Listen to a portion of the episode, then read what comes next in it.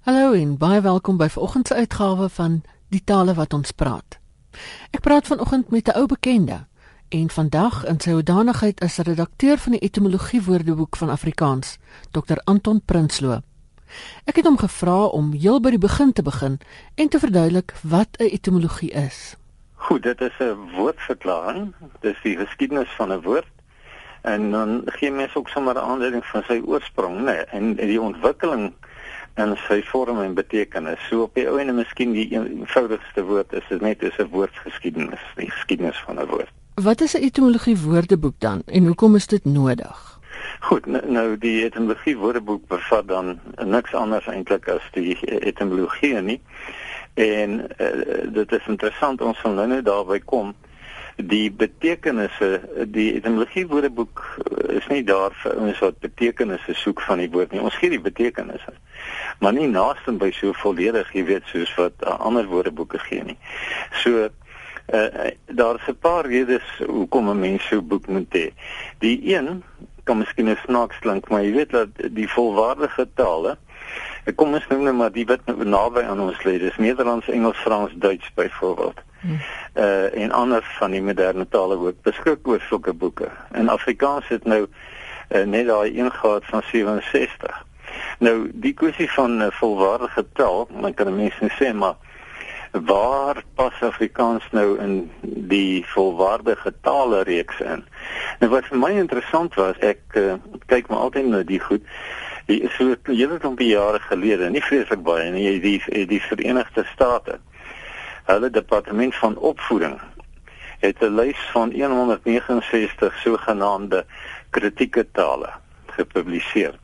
Nou as mense nou uh, dink net dat die skattings is gewoonlik wissel, maar sien nou maar tussen 4000 en 6000 tale wat bestaan op die aarde uh, dat dan dat Afrikaans onder daai 169 was.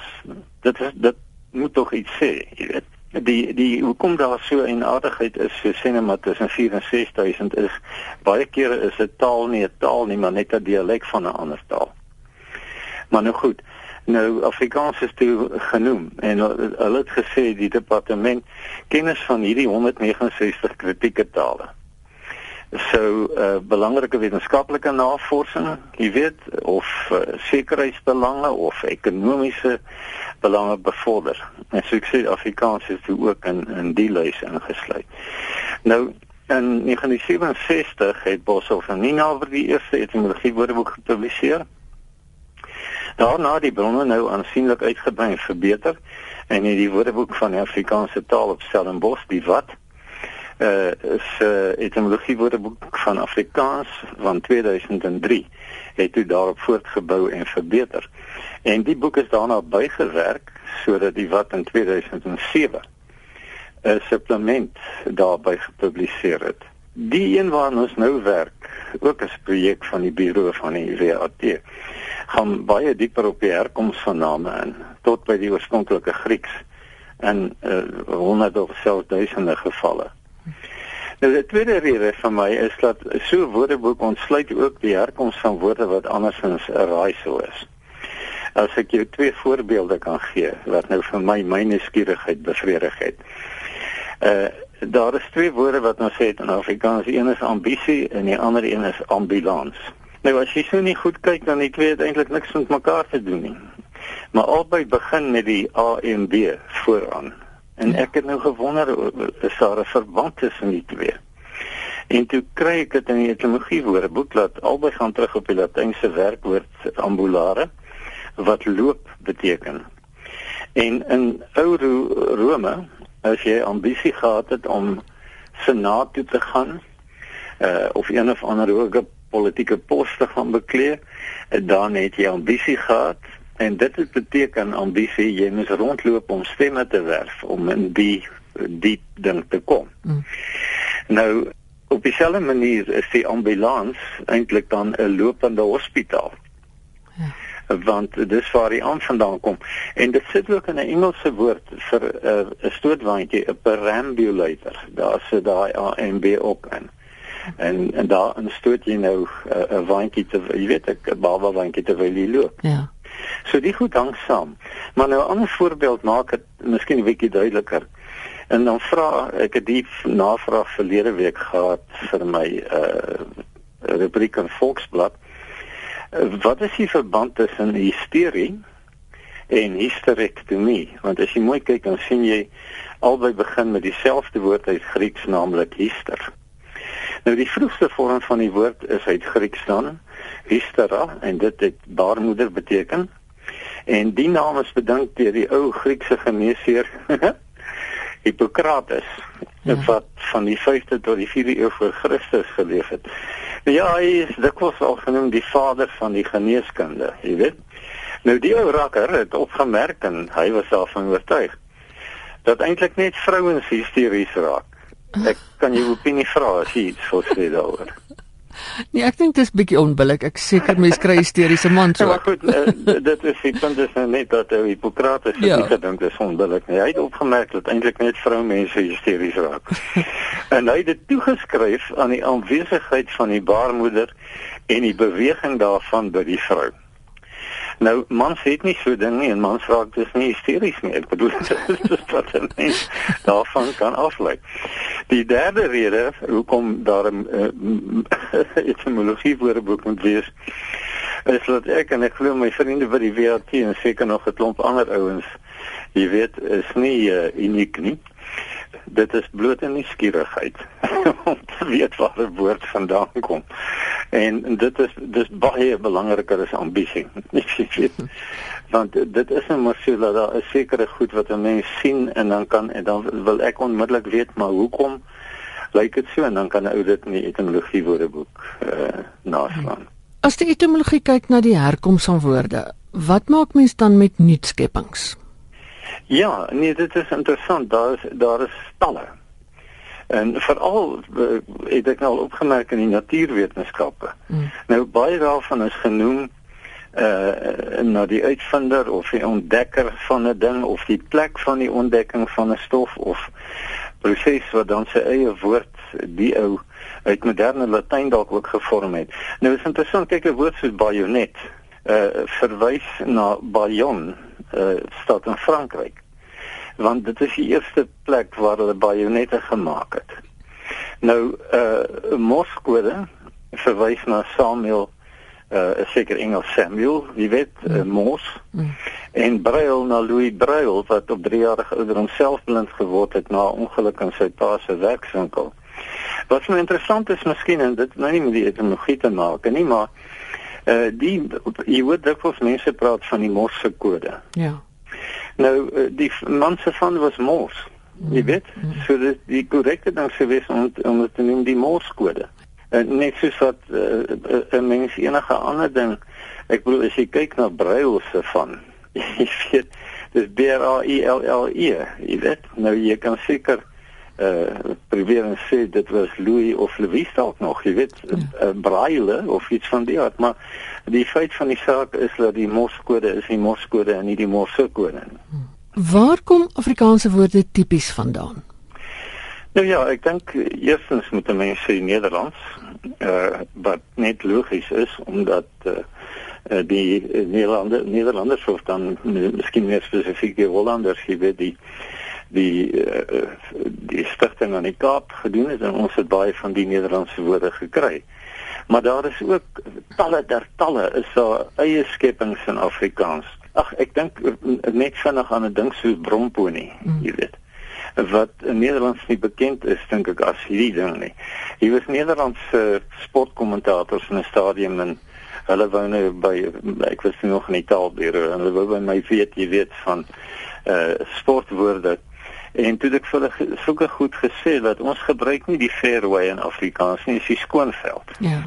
En die raf, jy weet, uh het toe gevestig geraak as die sukkelveld wat ek dink pragtig is. Ja. En en die raf op 'n golfbaan sukkel.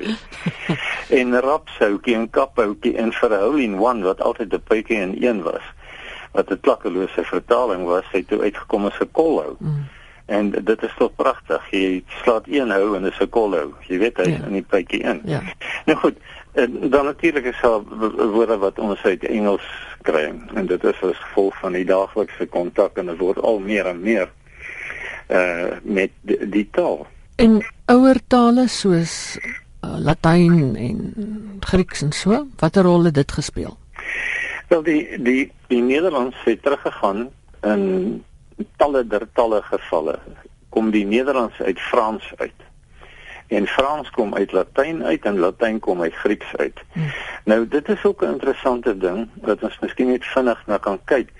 Ehm um, ek weet ek het een keer 'n groot klagte gehad toe ek nog taaladviseur was by die by die uh, eh, SAIK van iemand wat vir my gesê het, "Hoekom gebruik ek sulke anglisismes soos entoesiasme hmm. terwyl 'n ou, jy weet, 'n Germaanse ding soos geesdrif kan gebruik?"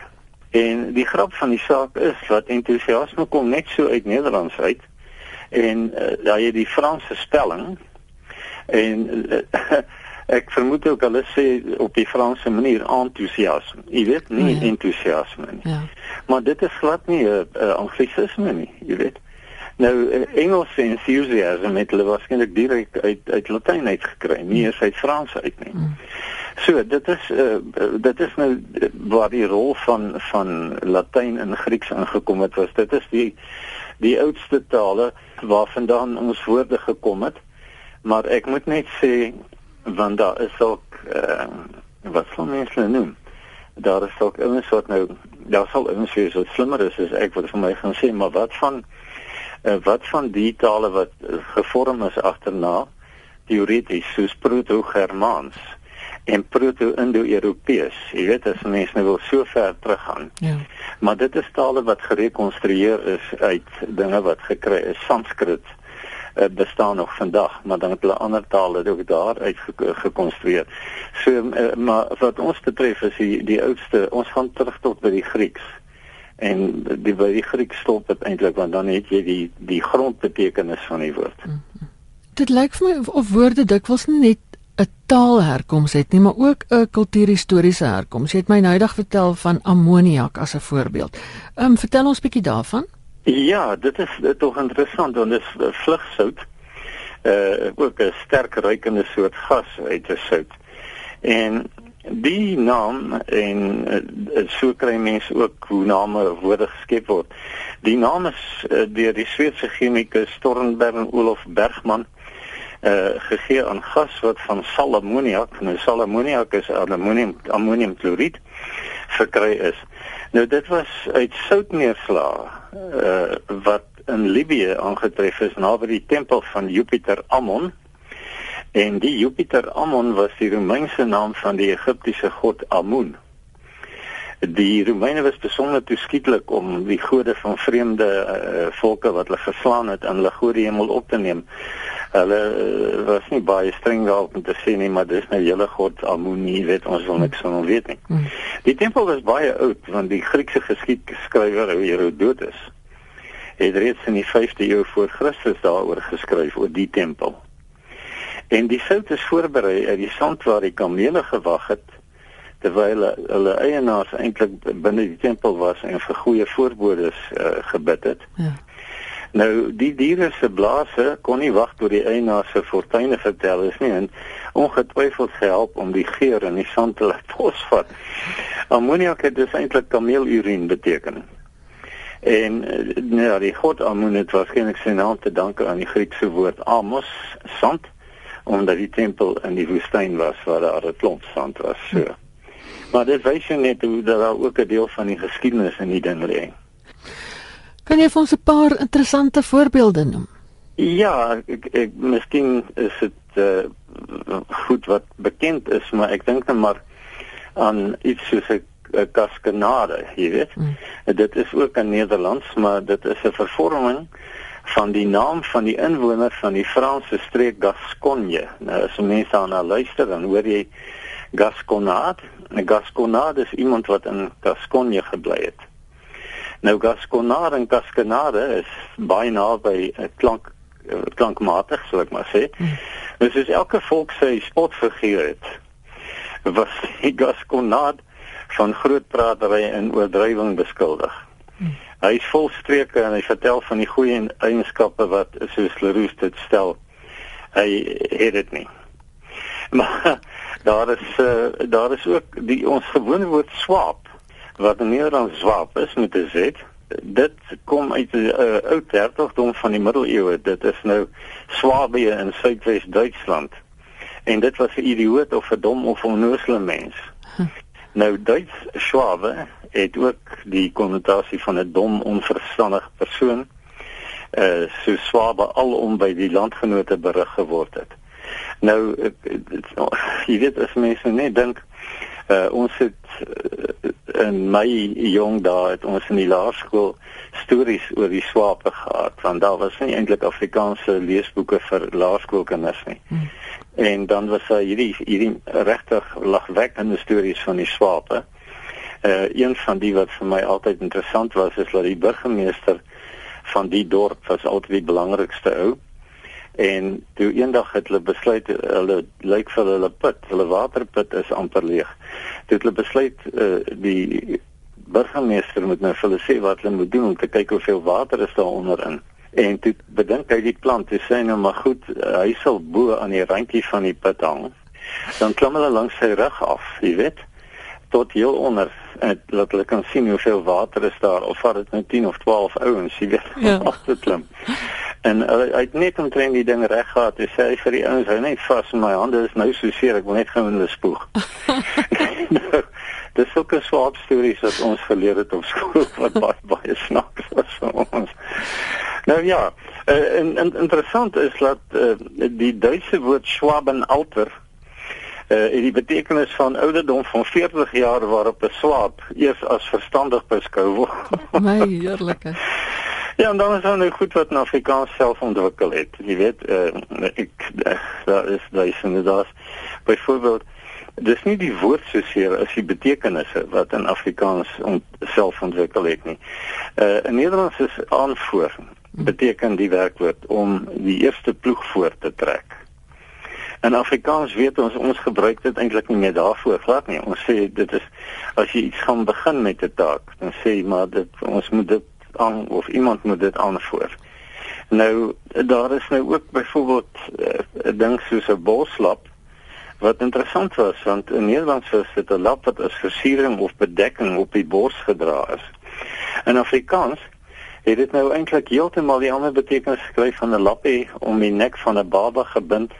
Jy weet om te kyk as hy kwyl, jy ja, weet dat dit ja. nie op sy kleertjies val nie. Ja.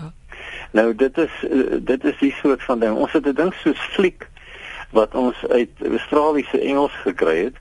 Maar wat nou weer van die woord interessant is, goed, dit net sê die die fliek in Engels kom van flicker. Mm -hmm. En dis omdat die die beeld so geflikker het van die bioskope. Ja. En uh, ons het fliek oorgeneem by die uh, Australiese Engels.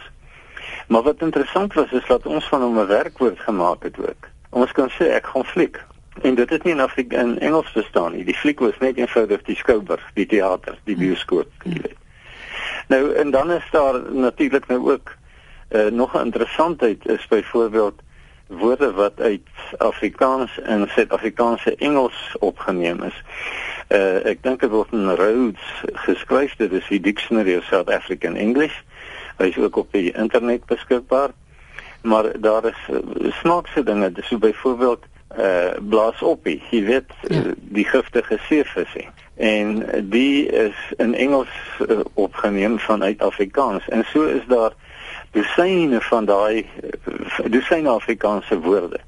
En uh, een wat vir my nou nogal interessant was en party van hulle kan 'n mens sien dat die Engelse het nie geweet hoe spel mense goed nie. Maar die Bob Makiri byvoorbeeld het hulle ook opgeneem 1834 al om die waarheid te sê in Suid-Afrikaanse Engels in die vorm Beck Becarry en vanuit Afrikaans toe nog verder in 1852 in die vorm Buck My Kiri jy weet met 'n K E E R I E en ook Buck Bakiri jy weet so uh, dit is interessant wat hulle daarmee gedoen het maar dit is opgeneem in in Engels Nou ja, en wat belangrik is dan eh uh, miskien met met ek hier na die einde van my betoog toe kom, is dat daar is ook uh, interessante benoemingsmotiewe. En dit sluit aan daarbey dat dit is woorde wat net in Afrikaans gevorm het wat nie uit Engels, Nederlands, Duits, Frans noem jy dit maar kom nie. Eh uh, daar is vir al 'n hele lys eh uh, om uh, regtig 'n baie lang lys woorde wat te maak het met uh plante. Uh byvoorbeeld 'n ding soos 'n oontbossie wat 'n bossie was wat so was dat jy kon die bakoond daarmee die as uitvee. As jy weet jy tussen kyk in die vroeë dae het mense mos nou nie sien nou maar in 1800 het hulle nie dalk 'n besem gehad om die ding skoon te maak nie, dan het hulle oontbossie gebruik. Hmm. Nou daai samestelling van oont en bossie is kenmerkend Afrikaans. Dit bestaan nie in, in Nederlands nie. Hmm.